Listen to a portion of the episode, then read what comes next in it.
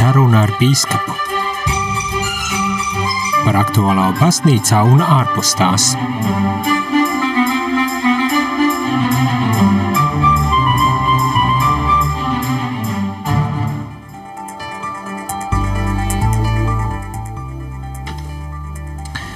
Labvakar, labvakar, rādījumā arī klausītāji. Šeit es, priesteris Jānis, un šajā raidījumā saruna ar bīskapu viesojas pie mums Latvijas evaņģēliskās Lutheriskās baznīcas Rīgas arhibīskaps Jānis Vanaks. Labvakar! Labvakar!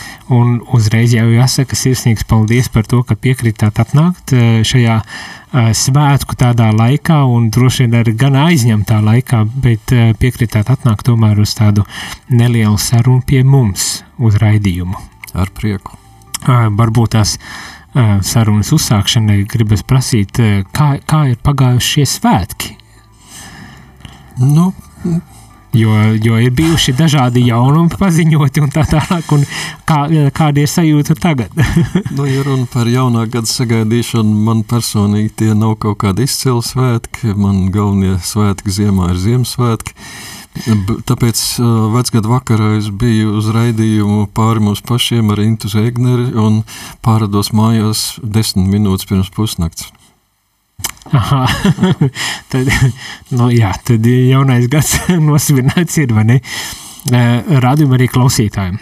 Es domāju, ka nav īpaši daudz jāiepazīstina ar arhibīskapu Jāni Vanagu, jo ir labi zināms un daudziem arī iecienīts viedokļa paudējis gan par kristīgām lietām, baznīcas ticību un garīgumu, gan arī sabiedrības jautājumiem. Arī šajā vakarā, aicinot arhibīskapus sarunu, es pie sevis nodomāju, gribētos tomēr izvairīties no sakaitātām tēmām un runāt vairāk tieši par garīgumu. Un tad es pie sevis nospriedu tā. Nav labi nošķirt garīgumu no vispār cilvēciskās uh, dzīves un, un tām lietām un jomām un um, aspektiem, ar kuriem mēs uh, dzīvojam ikdienas dzīvē, un tādēļ es nodomāju, labs ir tādā gadījumā es sākšu ar iespējams tieši nokaitētajiem jautājumiem, lai uh, cilvēku prātus uh, nomierinātu un varbūt tās arī nedaudz ziņkārību iespējams arī nomierinātu. Un kā pirmais, protams, jautājums eh, šajā sakarā man uh, pašam ir saistībā ar jūsu neseno uh, paziņojumu par to, ka pēc diviem gadiem, 2025. gadā, atkāpsieties no amata, pensijā aiziesiet, jeb emeritūrā un būs jauns bīskaps. Un, un es domāju, ka daudz jau ir daudz ko arī dzirdējuši par šo jautājumu, bet gribētos prasīt, uh, aizjūt pensijā, 65 gados, ne, nu būs jau vairāk, protams, vai ne, bet aizjūt pensijā, ko plānojat darīt? Nu, bija tāds joks, ka tad, kad es aiziešu pensijā, tad pirmos sešus mēnešus sēdēšu savā šūpuļu krēslā un nedarīšu neko. Un ko pēc tam? Nu, tad sākšu šūpoties. Ar, arī labi, jā. Nē, nu, es jau neaiziešu no baznīcas. Ne? Tāpat jau es kalpošu kaut kur dievkalpojumos, kur būs vajadzība. Ir Lutera akadēmija, kurā es domāju, ka man vajadzēs turpināt pasniegt. Un es varētu vadīt rekolekcijas un garīgos vingrinājumus un darīt lietas, kas man tiešām patīk. Uh, Tas, kas mainīsies, droši vien, ka nebūs tik daudz administratīvo uzdevumu un nebūs arī tik liels atbildības nasts, bet baznīcā jau vienmēr ir ko darīt, daudz ko darīt. Nu, un, Uh, gatavoties pensijai, esmu sācis mācīties ēst, gatavot. Tā kā arī to es darīšu. Aha, ne, ļoti, ļoti labas izvēles. Uh, tad, ne, principā, sanāk, kad uh, Atš, atšķirība būs tikai tajā, ka nebūs administratīvā, um, administratīvais darbs un pārējais, kas saistīts ar garīgumu. Ne, nu es vairs nevadīšu diecēzi. Nu, jā. Būs diecēzi cits vadītājs, arī bīskapu kolēģijā būs cits vadītājs, kapitulam būs cits vadītājs, tas nozīmē sinodē cits prezidents. Pārējās lietas paliks, acīm redzot, garīdznieku kalpošana un, un arī akadēmiskā darbība. Varbūt es mēģināšu kaut kā apkopot savus prediķus vai, vai, vai savus lekcijas, kādu grāmatu uzrakstīt, vai varbūt pat ne grāmatu. Grāmata jau šķiet novecojas formāts drusku, varbūt kaut kādā citā veidā to darīt. Nu tā. tad mēs varam tomēr sagaidīt, kad jūsu aktīva līdzdalība gan garīgajās lietās un jautājumos, gan ar sabiedrības kaut kādos komentāros un apspriedēs neizpaliks arī pēc aiziešanas emeritūrā. Nu, ja Dievs gribēs un mēs dzīvosim. Nu, ļoti, jācer, ļoti jācer, ka tādā gadījumā gan Dievs gribēs, gan arī dzīvosim. Starp citu, jūs sakat, ka no baznīcas neaiziesiet.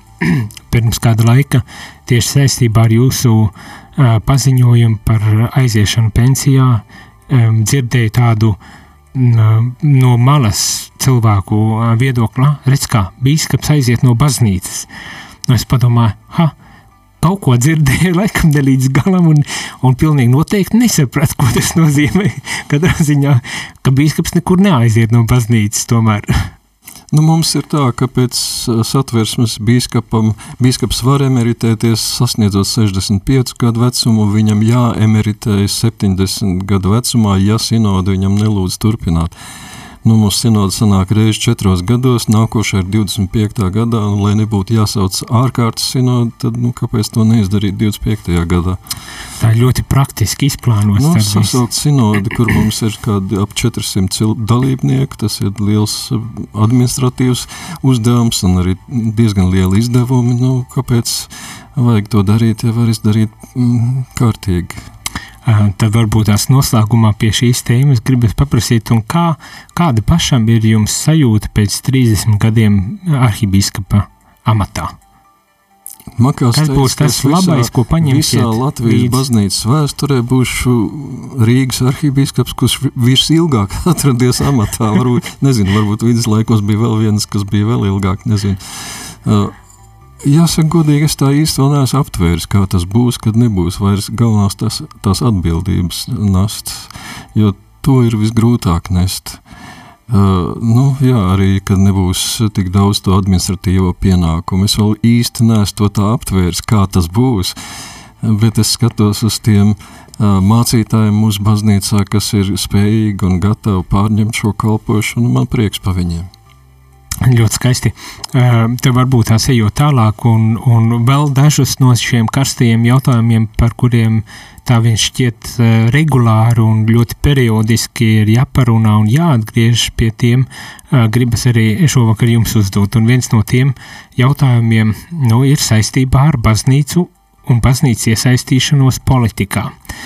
Protams, ka tas konteksts, kādā es šo jautājumu uzstādu, ir saistīts tieši ar ar uh, aicinājumu uz referendumiem, bet ar ne tikai uz referendumu, gan tas ir ar Stambuls konvenciju un citiem jautājumiem, kas varbūt tās ir bijuši tādi uh, asu diskusiju uh, jautājumi arī no baznīcas puses un, un, protams, arī diezgan uzstājīgi mēģinājumi tā kā ietekmēt sabiedrības viedokli šajā jautājumā.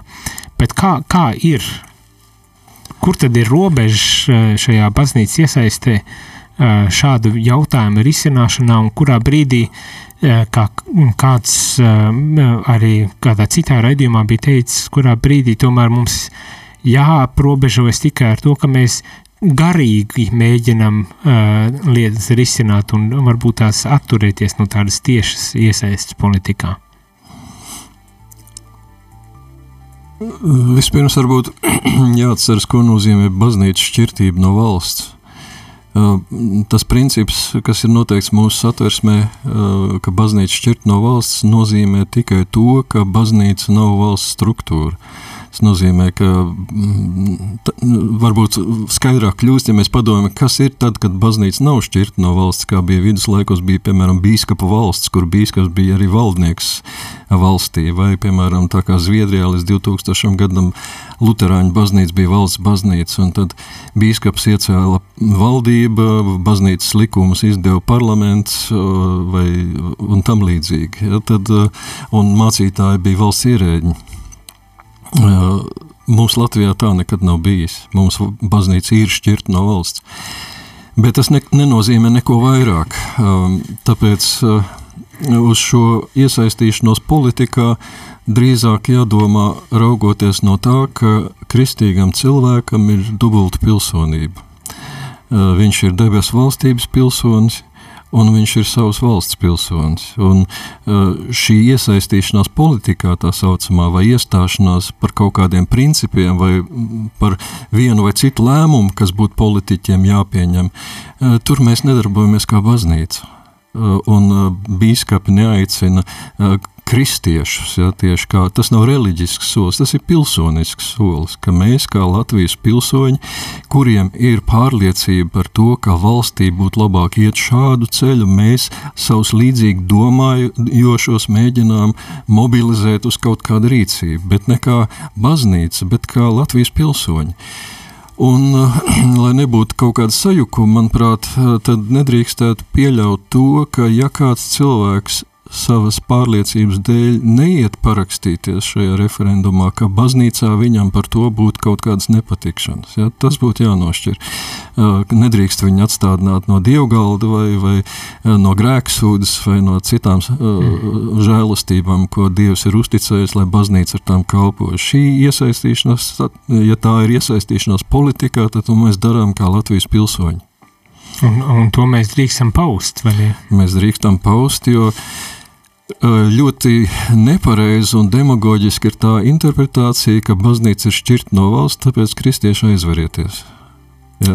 Tie, bet tieši, tieši tas arī kā, tiek uzskatīts kā tāds pamats, ne, kad ja baznīca un valsts ir šķirta, līdz ar to kristiešiem jābūt Uh, ir, ir filozofi, kas runā par kaut kādu neutralitāti, ko jāievēro, ka nedrīkst viņu ticības, pārliecības ietekmēt lēmumus sabiedrībā, uh, Lai Dievs no tā žēlīgi pasargā, ka mēs neļaujam uh, savai ticības pārliecībai ietekmēt savus ikdienas lēmumus. Manuprāt, ticība, kas tā dara, ir nedzīva. Skaidrs, ka mēs uh, vadāmies no savas ticības gan kā uh, baznīcas cilvēki dievkalpojumā vai savā kristīgajā dzīvē, gan arī uh, jebkurā dzīvē, savā mājā, savā ģimenē un arī valstī, protams. Nu jā. Paejot nedaudz tālāk, domājot par to, kas notiks pēc tam, kad nu, šajā gadījumā jāsaka tā, nesalasīsim tos 155 tūkstoši, kā tam kristietim tad dzīvot ar to, kad valsts ir pieņēmusi tādu lēmumu, kas ir uh, pretrunā šī kristieša, varbūt tās arī sirdsapziņai. Nu, mums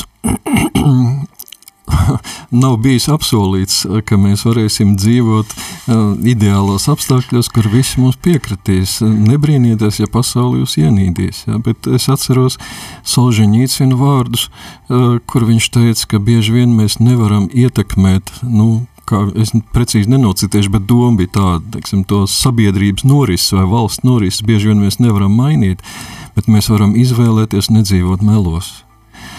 Un tas nozīmē, ka nu jā, skaidrs, ka savākt 155 tūkstoši, tad, kad šī latiņa tika uzlikta, tas bija ar mērķi, skaidru mērķi atņemt tautai iespēju sasaukt referendumu, sarīkot referendumu. Es domāju, ka tas bija tas mērķis. Uh -huh, uh -huh. Un tika uzlikta nesasniedzama, uh, nesasniedzams līmenis, ja pat par valodu savāc 70 tūkstoši, tikai pusi no tā, kur tad, teiksim, var savākt 150 tūkstoši zinot Latvijas eh, tautas inertumu, kas neiet demonstrācijās pa katru lietu uz ielām. un, un, eh, tāpēc nu, tas jau bija tā, pragmatiski varbūt būt bijis nemaz neaicināt. Ja, bet eh, no otras puses, nu, varbūt ir jāparāda savu nostāju, nu, ka mēs atsakāmies dzīvot melos. Nu, labi, ir nostāja būs parādīta, un, un pēc tam turpināsies dzīve. Bet, bet ko, ko jūs teiktu tam cilvēkam, kurš, nezinu, neatkarīgi no tā droši vien aizgāja vai neaizgāja parakstīties, un, un ne tikai šis parakstu jautājums, bet kopumā, ko jūs teiktu tam cilvēkam, kuram ir principā jāpieņem tas, ka nu, viņš dzīvo nu, teiksim, sekulārā valstī, kurai ir pieņēmusi likumus, rūpējoties par uh, ar to sabiedrības daļu, kas varbūt tās nav tāda kā es, un, un nepiekrīt manam viedoklim, un, un nepieņem manu viedokli. Ne? Kā, domāju, kā dzīvo teiksim, tālāk tam cilvēkam? Tas princips ir tāds, ka uh, kristiešiem ir jārespektē valsts likumi tik tālu, cik tālu viņi nespiež grēkot. ja, piemēram, sāksies kaut kas tāds, kā bija Amerikā pirms pandēmijas vēl diezgan populāri, ka nu, speciāli cilvēks provocē, ejot uz maiznīcu, piemēram, pasūtot kristiešu maizniekam mm. torti ar priekš vienzimumu laulībām, un ja viņš atsakās to darīt sirdsapziņas dēļ, tad viņi iznīcina tiesas ceļā. Nu, tur parādās tas, ka mēs, mums acīm redzot, ir jāmaksā cena par to, ka mēs gribam palikt eh, pie savas pārliecības un nedzīvot melos. Vai, vai tādā gadījumā nebūtu labāk principā arī kristiešiem iestāties tieši par visu tiesībām um, dzīvot saskaņā ar um, savu sirdsapziņu un, un, un, un līdz ar to arī parakstīties zem valsts lēmumiem, piemēram, šādā gadījumā par uh, partnerattiecības likumu? Jo nu. pretējo gadījumā sanāk tā, nu mēs, mēs gribam liekt uh, cilvēkiem kaut kādas tiesības, bet paši sev pieprasīt atkal tās tiesības. Es domāju, ka šeit uh, tā problēma rodas uh, nu, valodas lietojumā. Ja mūsu ministra prezidenta jaungada uzrunā lepojas ar to, ka Latvija ir pieņēmusi partnerības regulējumu, jo ir jāizstāv visas ģimenes. Pirmkārt, kur tad paliek tā tēze, ka tas jau nav par laulībām, tas ir par, par nu, ja divi skolas biedri grib mm. tur kaut kā sakārtot savus mantojuma lietas vieglāk vai tam līdzīgi.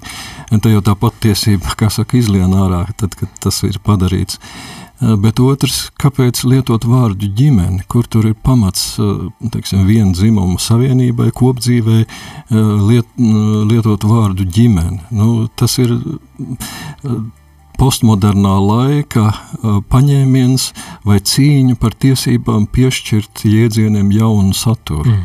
Un nevienam nav lielākas varas kā tam, kurš rada jēdzienus. Tas nozīmē, ka mēs uztraucamies, ka ar vakcīnām mūs ievadīja kaut kādas nanorobots, kas manipulēs mūsu domāšanu. Nē, šādā veidā manipulē domāšanu, piešķirot vārdiem jaunu saturu. Un, bet nu, mums jau vienkārši ir jādzīvo sava dzīve. Kāpēc mēs iestājamies kā kristieši, kristīgi pilsoņi pret tādu regulējumu? Tāpēc, ka tas ir rada šķietamību, ka nu, teiksim, ir kaut kāda blakus laulībai, ap kuru ir visa, visa nu, ģimenes ideja uzbūvēta. Arī mūsu civil likumā viss izriet no vīriešu un sievietes laulības tālāk. Acīm redzot, tur arī viss kaut kas mm. tiks mainīts tālāk. Bet šobrīd par ģimeni var saukt nu, kaut ko to, ko mēs tūkstoši gadus esam pat tādu saukuši. Bet, nu, un tas savukārt apdraud cilvēku pestīšanu, jo viņi iegūst tādu viltus drošības sajūtu, nu, kā nu, valsts atzīst tādu kopdzīvi, kā līdzvērtīgu laulībai, nu, tad acīm redzot, baznīca ir kaut kur aizkavējusies vai apmaldījusies. Un šī drošības sajūta jau var teiksim, atņemt cilvēkam motivāciju atgriezties no grēkiem un ticēt uz evaņģēliju. Un tas tāds dziļāk garīgs saturs ir, kāpēc nu, mēs nevaram īsti atbalstīt šādu lietu. Tas apdraud cilvēku pestīšanu. Bet eh, tad, eh, tas aicinājums principā cilvēkam uh, dzīvot saskaņā ar savu ticību, pārliecību un sirdsapziņu, neatkarīgi no tā, kāda likuma ir pieņemta. Nu, bez šaubām, nu, taču kristieši Romā pirmajos gadsimtos dzīvoja saskaņā ar savu sirdsapziņu, kaut gan valstī notiek nezin kas. Ja, gladiātoru cīņas un, un tempeļa prostitūcija un vēl visādas lietas. Ja. Mēs jau nevaram pretendēt, ka mēs, un kā dzīvo šobrīd kristieši islāma valstīs. Tāpat viņi dzīvo valstīs, kur kaut kas ir pilnīgi pretējs uh, valdošs valdoš principu vai valdošs likumu. Tā kā mums vienkārši ir Kaut vai jāatceras savu padomu laiku, mēs taču dzīvojam kā baznīca vai kā kristieši, neatkarīgi no tā, kāda valstī bija ideoloģija. Nu, jā.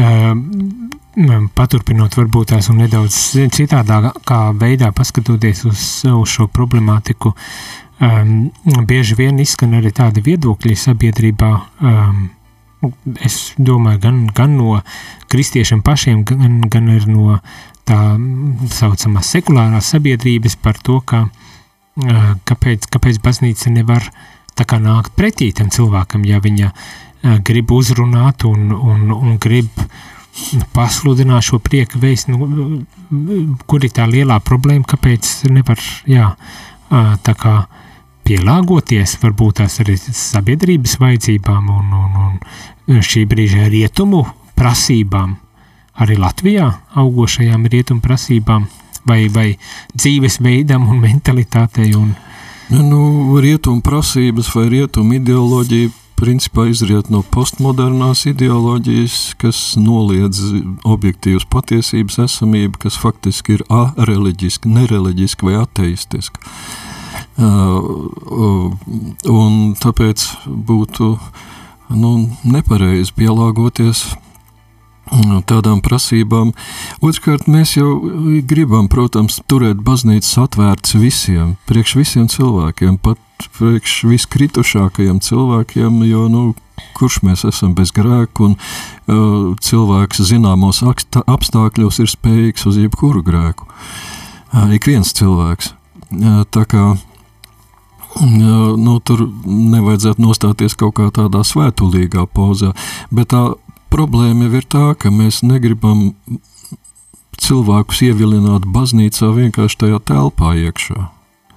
Mums viņi ir jāaicina pie kaut kā, un tas kaut kas, kā jūs teicat, ir labā vēsts, un labā vēsts sāks ar vārdiem atgriezieties no grēkiem, ticiet uz evaņģēliju, ja, ka Kristus ir uzņēmies uh, to pienākumu nodzīvot mūsu vietā svētu dzīvi, un un ir izpircis mūsu grēkus pie krusta, un ja mēs savus grēkus nožēlojam, tad mēs esam mm, izlīdzināti ar Dievu viņa nopelnā, un mūs sagaida teiksim, palīdzība šai dzīvē un, un mūžīgā dzīvība debesīs ar Dievu ja mēs nu, gribētu mainīt kaut ko, mums nemaz nav tiesības to darīt. Ir lietas, mēs var, kur mēs varam pielāgoties. Tas ir līdzīgi kā, nu, kā misijas kārtība vai kā liturģija. Ja tur ir propriums un ordinārijums, ja ir lietas, kas paliek nemainīgas vienmēr, un ir kādas, kas mainās paiet baznīcas gadu laikam.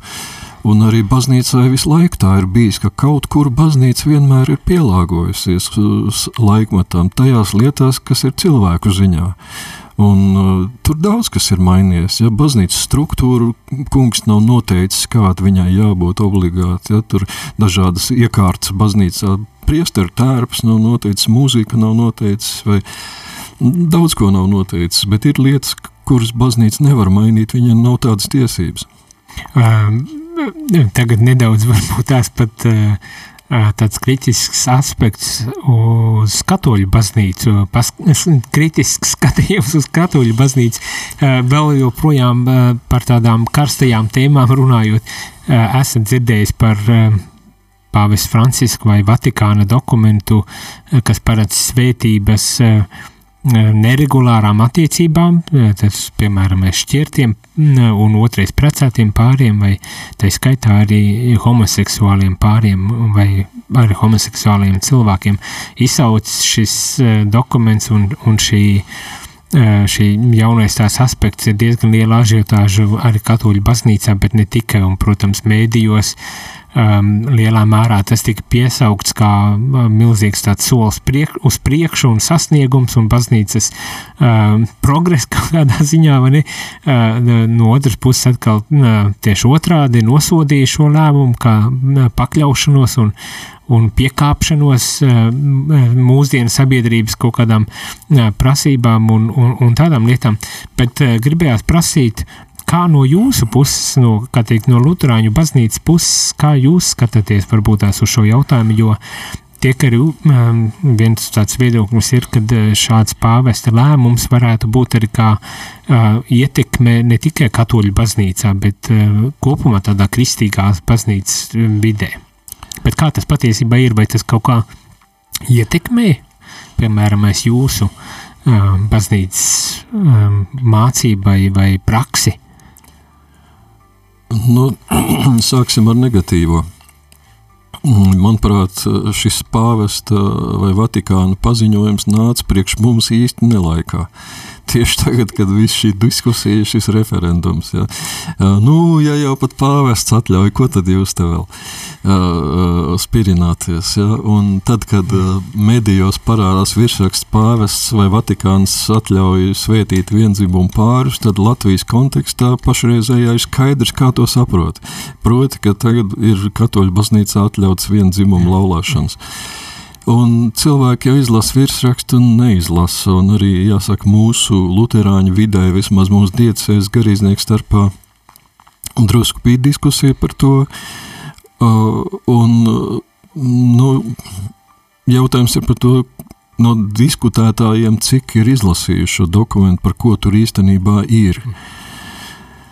Un es izlasīju to dokumentu, nu, lai nebūtu gari jāskaidro jo tas ir, man liekas, katoļu uzdevums izskaidrot šo lēmumu, bet nu, es sapratu par to, apmēram, ka runa ir apmēram par to.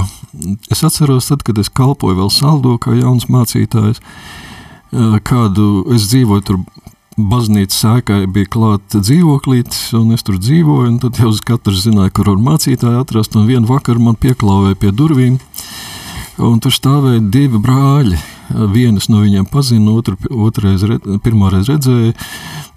Abi tā riktīgi iedzēruši un gribēja ar mani iet baznīcā, lai es viņus svētītu. Es viņus aizsūtīju projām. Un, Un viņi bija ļoti dusmīgi. Tas vecākais brālis, ko es pirmo reizi redzēju, tas gan arī rādīja, ka viņš man sitīs vai kā, bet sadusmojās un aizgāja. Tā es viņus vairs neredzēju. Es domāju, pēc tam es vēl tagad to atceros. Ja? Bet, nu, Varbūt es viņa, viņam prasīju, kāpēc es jūs esat piedzērušies. Un es jau biju ar savu nelielo praksi konstatējis, ka nav jēgas runāt ar dzērušu cilvēku par garīgām lietām. Viņš tur tāpat neko neatcerēsies pēc, pēc tam vai nu tā. Bet es taču viņus varēju ievest baznīcā un pateikt, lai jūs svētījām pasargājus, varnēs Dievs, Tēvs un Dēls un Svētais Gars, un būtu viņus atlaidis ar mieru, viņi būtu aizgājuši ar vismaz, ja ne vairāk tādu labām atmiņām par baznīcu un par mācītāju. Tagad es viņu aizgāju prom dusmās. Man šķiet, ka tā svētīšana, par ko ir runa šajā Vatikāna dokumentā, apmēram attiecas uz šādām situācijām. Ja, kad, nu, atnākuši cilvēki, es nezinu, nu, es redzu, ka viņi ir neregulārā stāvoklī, var teikt, nu, normālā veidā baznīcas dzīvē viņas iesaistīt nevar, nav jēgas un, un tā, bet, nu, vienkārši, lai, nu, tā dvēseļu kopšanas nozīmē, nu, tā rūpējoties par dvēselēm, labāk būtu bijis, varbūt, ka es viņas nebūtu aizdzinis, bet būtu nosvētījis. Gan Dievs zinās, ko darīt ar to, tiem svētības vārdiem, ja. Es taču nesvētu viņu dzeršanu. Lai gan, nu, varbūt tur kaut kāds kaut ko var sajaukt, ja tāds risks, protams, ir. Tas ir, nu, nu es teiktu tā, simbolu skaidrību šis Vatikāna lēmums, protams, sajauc drusku. No otras puses, tas ļauj kaut kādās situācijās garīdzniekam nu, būt žēlsirdīgākam, varbūt nepārkāpjot tās līnijas, kas baznīcā ir. Proti, tur tajā dokumentā ir teikts, ka nekādā ziņā nav pieļaujams šādas svētības lietot kaut kādā laulāšanas mm. kontekstā vai civilo savienību reģistrēšanas kontekstā. Tas var notikt, piemēram, kaut kur rekolekcijās, kur kaut kādiem cilvēkiem pēkšņi sirdsapziņa sāk runāt vai svētceļojumā vai tam līdzīgi tādās spontānās situācijās, piemēram, pieskrien tur tev divas meitenes priestarim pie ielas saka svētījiet, nu man nav jāprasa viņai, kā, kādās attiecībās jūs dzīvojat. Nu jā, jo, jo ļoti pareizi arī esat uztvēris vismaz no tā, ko izlasīju, un no ar tiem skaidrojumiem un komentāriem, kas tika arī latviski pausti, tieši tādi ir ar tā attieksmi, kad pa lielam nekas ne, nu, nemainas būtiskais. Principā laulība paliek starp vīrieti, sievieti un mūžu atvērt uz dzīvību, un, un, un, un tas ir liturģisks akts, kura, kuru baznīca nevar nekam citam dot, piedāvāt. Nu, jā, bet... Tur man, liekas arī būtiski tas, ka baznīca, tur bija teikts, ka baznīcas autoritātei jau nav, nav jādod rituāls vai formula. Tur priesteris uz vietas improvizē, kā viņš redz par pieņemam tur kādiem vārdiem cilvēkiem jā, kaut kādu sviedrību dot. Bet nu, skaidrs ir tas, ka, protams, kristiešu stāvēšanu par uh, par, par teiksim, ģimeni, par laulību un par šīm vērtībām šis dokuments un sevišķi tas, kā viņi izmanto medijos, protams, darīs grūtāk un sarežģītāk, mm. jo tās nianses jau parasti neviens neievēro. vai ne, to, to pārskrien pāri un palaiž garām nemaz, kā jau sakat, neievēro. Bet uh, iespēja atkal parādīt uh, žēlsirdību un, un varbūt tās kādreiz tas ir tieši tas, kas vairāk ir vajadzīgs un iespējams to arī mēģina šis dokuments pateikt, kad uh, nu. neaizmirstiet izrādīt žēlsirdību laikā un nelaikā, lai Dievs tālāk arī darbojas. Mēs jau dzīvojam mediju dominētā pasaulē vai blogeru dominētā pasaulē, un tur bieži vien tajās eh, neiedziļinās neviens tajās lietās, ko baznīca dara. Uh, ja, es reiz jautāju vienai žurnālistei, kāpēc, kāpēc nu, par baznīcu nerakst to būtisko, ko baznīca dara īstenībā. Praktiski neko neatspoguļo, raksta pa visādām sensācijām.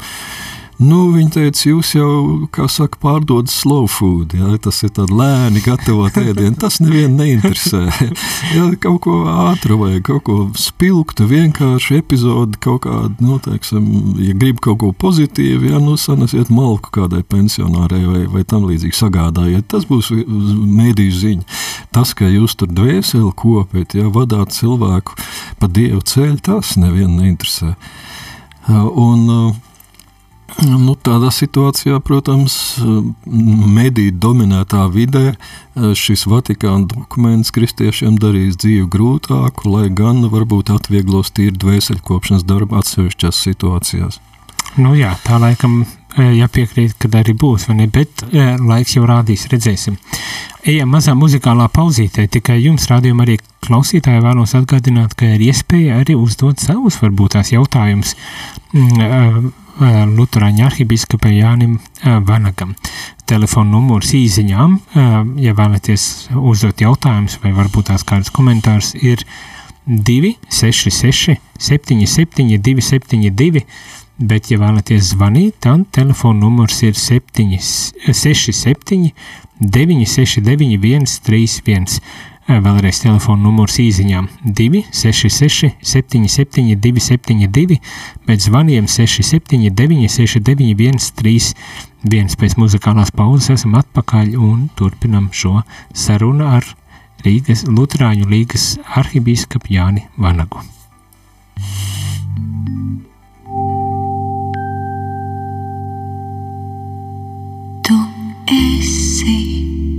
mana Ziemassvētku svece, kas gaiši deg un sirdī mieru nes. Tu esi avots tīrs, kas ziemā nestāj tecēt.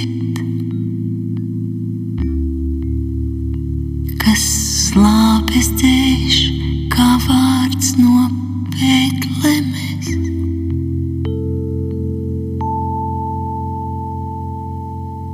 Tu esi mana Ziemassvētku svece,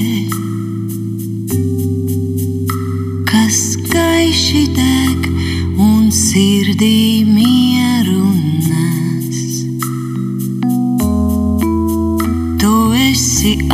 avots tīrs, kas ziemā nestāj tecēt. Kas slāpes dzēš kā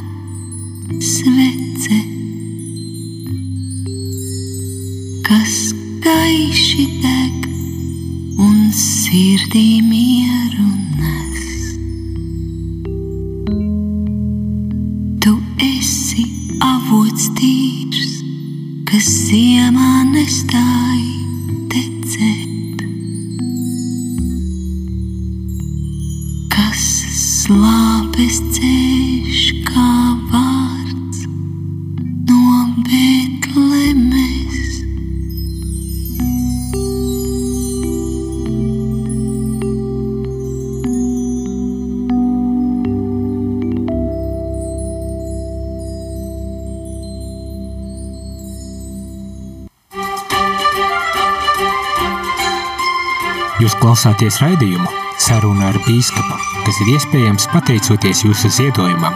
Paldies!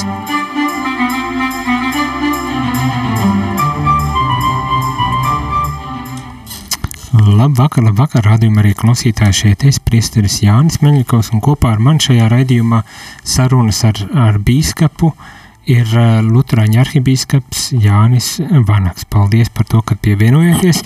Pirmo sarunu uh, pusi mēs pavadījām uh, nu, manu, manu jautājumu ierosināt, un tas ir, kā es teicu, karstos jautājumus apspriest, bet tagad otrajā sadaļā gribas varbūt tās nu, nedaudz vieglāk, nemazāk nopietni gan tas nozīmē, un, un, un, un vienlaikus varbūt tās arī uh, cerīgāk un uz nākotni skatoties, un uh, vispirmām kārtām atbildēsim uz telefonu zvanu, kas ir ienācis.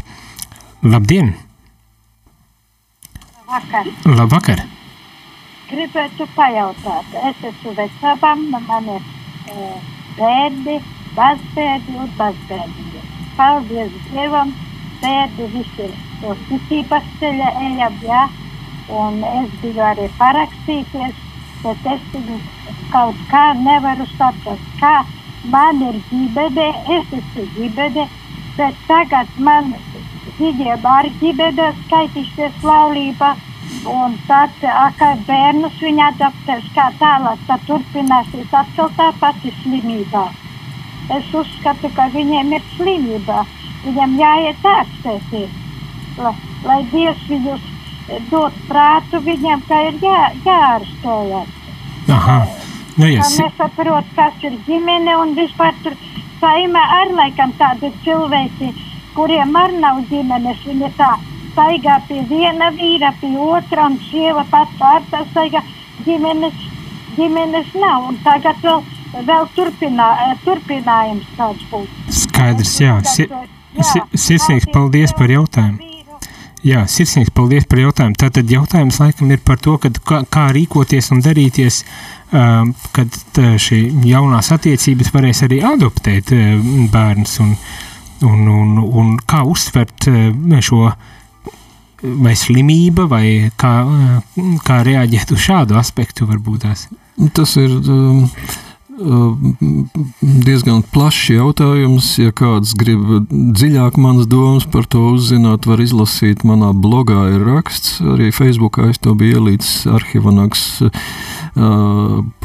blogspot.com. Uh, Bībele un homoseksualitāte. Jā, nu, būtībā Pāvils arī par grēku runā, ka tas ir daļēji iedzimts, daļēji sociālās vidas noteikts, un ka cilvēks nevienmēr spēja ar to tikt galā ar šiem impulsiem. Tas viss, ko saka par teiksim, iedzimtības faktoru homoseksuālai dzīvei, to Pāvils viss jau sen ir aprakstījis, tas viņam nebija nekas nezināms vai, teiksim, vajag ārstēties. Es neesmu īsti kompetents, varbūt, kā, tu, kā, kā ar kādām sekmēm to var darīt. Ir programmas, kas ir mēģinājuši to darīt pasaulē, bet ir cilvēki, kas ir ar šādu orientāciju. Man reiz bija saraksts Facebookā vai Messengerī ar vienu cilvēku, kurš man stāstīja, kā viņš jūtas, un ka viņš tiešām nekad neko pret sievietēm nav varējis sajust, bet pret, pret vīriešiem gan, tas viņam ir ļoti nu, eksistenciāli. Es domāju, ka ņemot vērā, cik lielu vietu cilvēku dzīvē ieņem iemīlēšanās un romantika un tajā pašā laikā varbūt vēlēšanās dzīvot pēc dieva gribas, ja, tad mēs saprotam, kādā uh, grūtā stāvoklī atrodas homoseksuāls kristīgs cilvēks. Un viņiem vajadzētu teiksim, izrādīt vislielāko izpratni un līdzjūtību viņa centienos mm, sekot vai iet pa dieva aicināto ceļu. Tāpēc baznīcai tiešām varbūt šī ziņā, varbūt tas atkal Vatikāna dokuments kaut ko labu dos, varbūt palīdzēs tiem cilvēkiem. Nē, nu es nezinu, faktiski es zinu, ka homoseksuāli cilvēki, kas dzīvo celibātā savas pārliecības dēļ, viņi ļoti negatīvi raugās uz to, ka varētu kaut kādā veidā nākt pretī, nu, teiksim, svētīt vai legalizēt šo vienzimumu mm. kopdzīvi. Jā. Viņi saka, pastieties uz mums. Mēs darām tā, kā Bībelē teikts. Bet atbildot uz jautājumu konkrēti, jā, bērnu faktors ir skaidrs, ka bērniem vislabāk ir uzaugt vidē, kur ir um, tēvs un māte, labās, stabilās attiecībās, tur ir tā drošā vide, cik nu iespējams vislabākā vide, kur bērniem uzaugt. Tur, kur mm, ir tēvs, ir māte, kas dzīvo saskaņā ar teiksim, dieva gribu un, un parāda mīlestību un tikumu un tam līdzīgi. Tāpēc baznīcai arī ir skaidri šis, šīs nostāja. Tas ir vienmēr skaidri jāpauž. Un tā ir mūsu uh, misija vai mūsu ieguldījums. Citas balss runās, ka tas ir kaut kas atpalicis, ka tas nav vienīgais ceļš vai tam līdzīgi, bet zinot tieši, kundze jautāja par bērniem, uh, nu, ka, teiksim, ģimene ir lūk šis, un tas ir vislabākais, un tāpēc, teiksim, valstī ir pamats uh, uh, atbalstīt īpaši nevis visas kaut kādas kopdzības formas, bet tieši ģimeni, kas balstās uz laulību, Tāpēc, ka tas ir vislabāk, tas paver tautai vislabākās dzīves, izdzīvošanas iespējas, izdzīvošanas stratēģiju nākotnē. Un, tāpēc šī šķietama it kā diskriminācija pret citādu dzīvesveidu mēģinājumiem nav nekāda diskriminācija. Tur ir saprātīgs pamatojums. Uh, nu jā. Negribas arī šo, jaut, šo raidījumu tikai par šo tēmu padarīt, un turklāt arī mūsu laiks jau iet uz beigām, tad varbūt tās noslēguma jau principā tādā daļā gribas jautāt vieglāku bet tikpat nopietni jautājumu, kā ir, kādas ir expectācijas nākošajam gadam, jo mēs tik, tikko esam uzsākuši šo 2024. gadu. Um, kādi plāni vai expectācijas, kādi varbūt tas ir vēlējums e, cilvēkiem, kas klausās šobrīd rādījumā arī? Nu, nepiekus darīt to, kas ir labs, pareizs un svēts. Tas ir galvenais. Tas gada skaitlis, kas mainās, tas ir cipars. Mūsu dzīves uzdevums jau nemainās.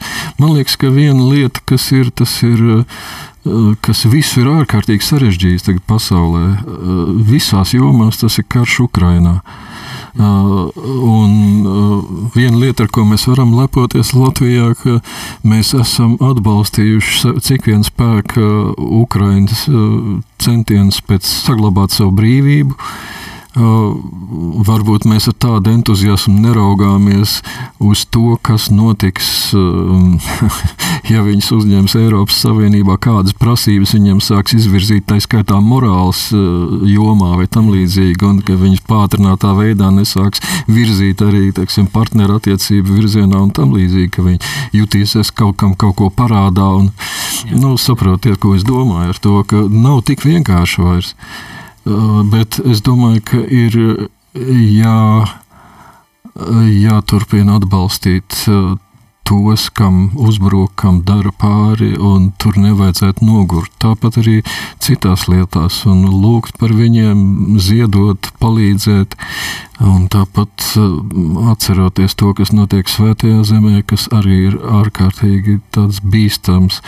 Es domāju, pašiem arī jādomā mm, par to, kā mēs stāvēsim, ja tas atnāks pie mums. Kas būs tas, kas palīdzēs mums izdzīvot? Jā, tagad ratus jāgatavo, lai būtu vasarā ar ko braukt. Jau uz iepriekš jāpadomā, kā mēs pastāvēsim. Ja tas konflikts vai karš izvērsīsies arī tā, ka mums vairāk būs jāiesaistās. Nu, mēs to nevaram grozīt, bet mēs varam taksim, gatavoties gan garīgi, gan visādi citādi praktiski. Man ļoti jācer, ka, protams, neatnāk arī līdz mums tas, un tomēr ļoti viedi vārdi, kad jābūt gatavam arī tam, kas slikts var notikt, varbūt tās.